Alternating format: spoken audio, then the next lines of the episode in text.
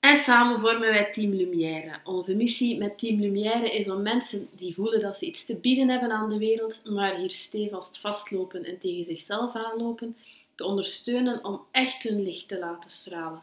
Want wij geloven oprecht dat als iedereen zijn of haar licht zonder terughouden kan laten stralen, dat dat een antwoord geeft op alle miserie en alle problemen in de wereld.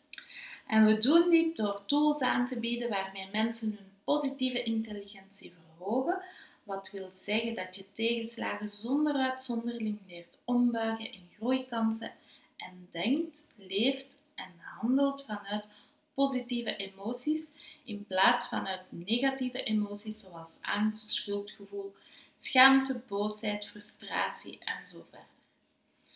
Dit doen we onder andere in onze Mental Fitness Academie, de virtuele plek waar jij je mentale spieren kan trainen, maar ook via workshops, individuele coaching en traumatherapie en natuurlijk deze podcast.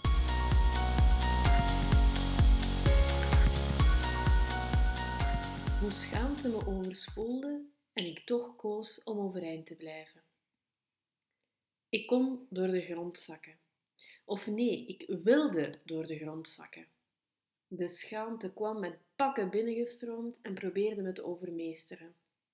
Had er een steen gelegen, ik was eronder gekropen, om er vervolgens liefst nooit meer van onder te komen. Stap maar rond, neem maar lucht binnen, zei mijn coach. Onhandig zette ik me recht en begon schoorvoetend door de ruimte te schuifelen. Ik wil helemaal geen lucht, ik wil weg.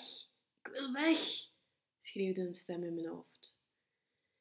Ik ging met mijn rug naar haar staan, zodat ze tenminste mijn gezicht niet kon zien. Het gezicht van een dikke, letterlijk vette loser die het voor de zoveelste keer had verknald. De loser die zichzelf ook voor de zoveelste keer had wijsgemaakt dat ze goed was in iets en nu helemaal van haar zelfgemaakte troon tuimelde. Mijn innerlijke rechter herleefde. Eindelijk weer ruimte om als vanouds haar gang te gaan. En ik, ik stond daar maar. Ik staarde naar buiten, waar de kippen rustig rondliepen in de tuin. Was ik maar een kip, dacht ik. Dan kon ik gewoon ganse dag kip zijn. Wat in de grond pikken, af en toe een ei leggen en that's it. Kip en Kim, het is tenslotte maar één letter verschil. Ondertussen rolden er enkele eenzame tranen over mijn wangen. Zelfs een fikse huilbui met de nodige opluchting achteraf was me niet gegund.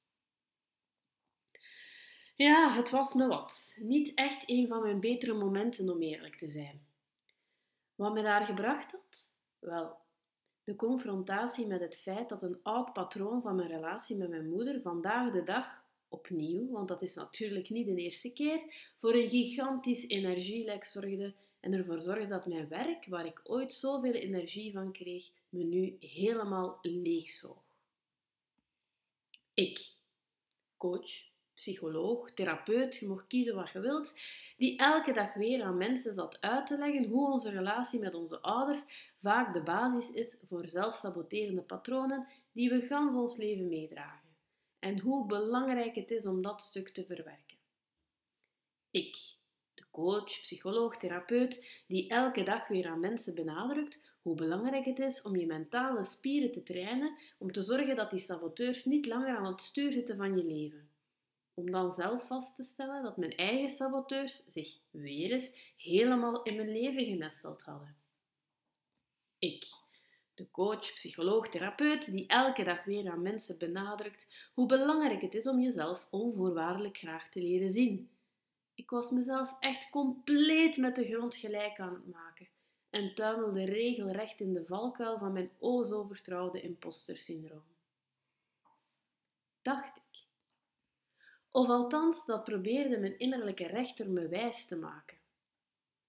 Daar stond ik, naar die kippen te kijken, wel degelijk te overwegen welke vluchtroutes er waren en hoe ik ongezien weg zou kunnen komen. Wat nogal moeilijk bleek als je coach achter je naar jou zit te kijken. Wie hou je voor de gek, Kim? Hiervoor ben je toch gekomen? Je wist dat dit je te wachten stond, als geen ander. Ik zit genoeg aan de andere kant. Ben er nog niet echt uit of dat nu een voordeel of een nadeel is, maar bon. Beter nog, dit is waar je expliciet om gevraagd hebt. Dit is een cadeau, Kim, grijp het met beide handen. Mijn wijze ik kwam piepen. Dus nam ik heel diep adem en koos doelbewust om me om te draaien en verder te gaan met datgene waarvoor ik gekomen was. En ja, het innerlijk gevecht bleef nog even voortduren. Was niet de meest vlotte sessie doordat mijn rechter zich bleef moeien. Maar de shift was wel ingezet en volop aan de gang. De puzzelstukjes vielen één voor één in elkaar en ik ging naar huis met een helder zicht op wat er fout liep en wat ik eraan kon doen. Maar ook nog met een pakketje schaamte en het aanhoudende gevoel dat ik nog maar eens gefaald had. Ik had beter moeten weten. Shame on me. Opnieuw stond ik voor een keuze. Ofwel liet ik de schaamte en het zelfoordeel de bovenhand nemen, ofwel koos ik bewust voor onvoorwaardelijke liefde voor mezelf.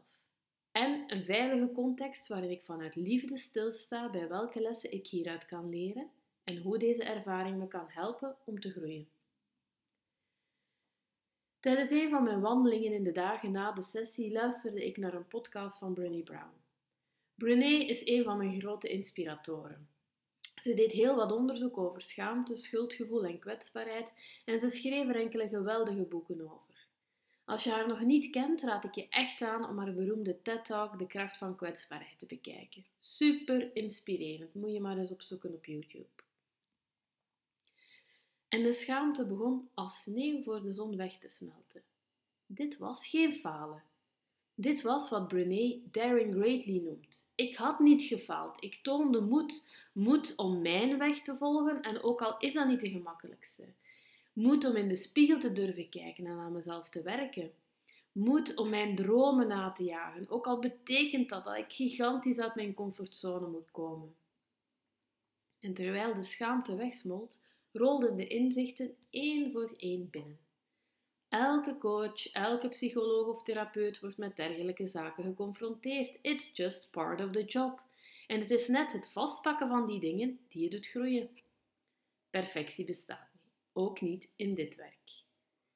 Je eigen ervaring draagt er net toe bij dat je weet waar je cliënten doorgaan en zorgt ervoor dat je nog meer connectie kan maken met hun proces. En alle argumenten die mijn rechter enkele dagen voordien had gebruikt om me af te maken, werden nu argumenten om mezelf te waarderen en graag te zien. Want net doordat ik het belang ken van verwerking van moeilijke ervaringen en trauma's uit je kindertijd, zal ik ook die van mezelf telkens weer aanpakken in plaats van ze weg te moffelen. Want net doordat ik het belang ken van mentale veerkracht en hier al zoveel in investeerde, kan ik nu bewust kiezen voor de weg die me het meeste dient, in plaats van deze van mijn rechter en saboteurs te volgen. Want net doordat ik weet dat onvoorwaardelijke liefde voor jezelf het begin is van alles, kan ik nu ook bewust teruggrijpen naar die onvoorwaardelijke liefde voor mezelf, waardoor ik er ook weer volwaardig kan zijn voor mijn cliënten. Werken aan jezelf en investeren in je persoonlijke ontwikkeling. Het loont echt zo de moeite. Wil jij ook zo'n stevige basis waarop je kan terugvallen als, je de schaamte, als de schaamte je overspoelt en je innerlijke rechter je met de grond gelijk wil maken? Dan is onze mindset workout misschien wel net datgene wat je nodig hebt. Want het leven is zoveel mooier als je leert om bewust te kiezen voor wat jou gelukkig maakt.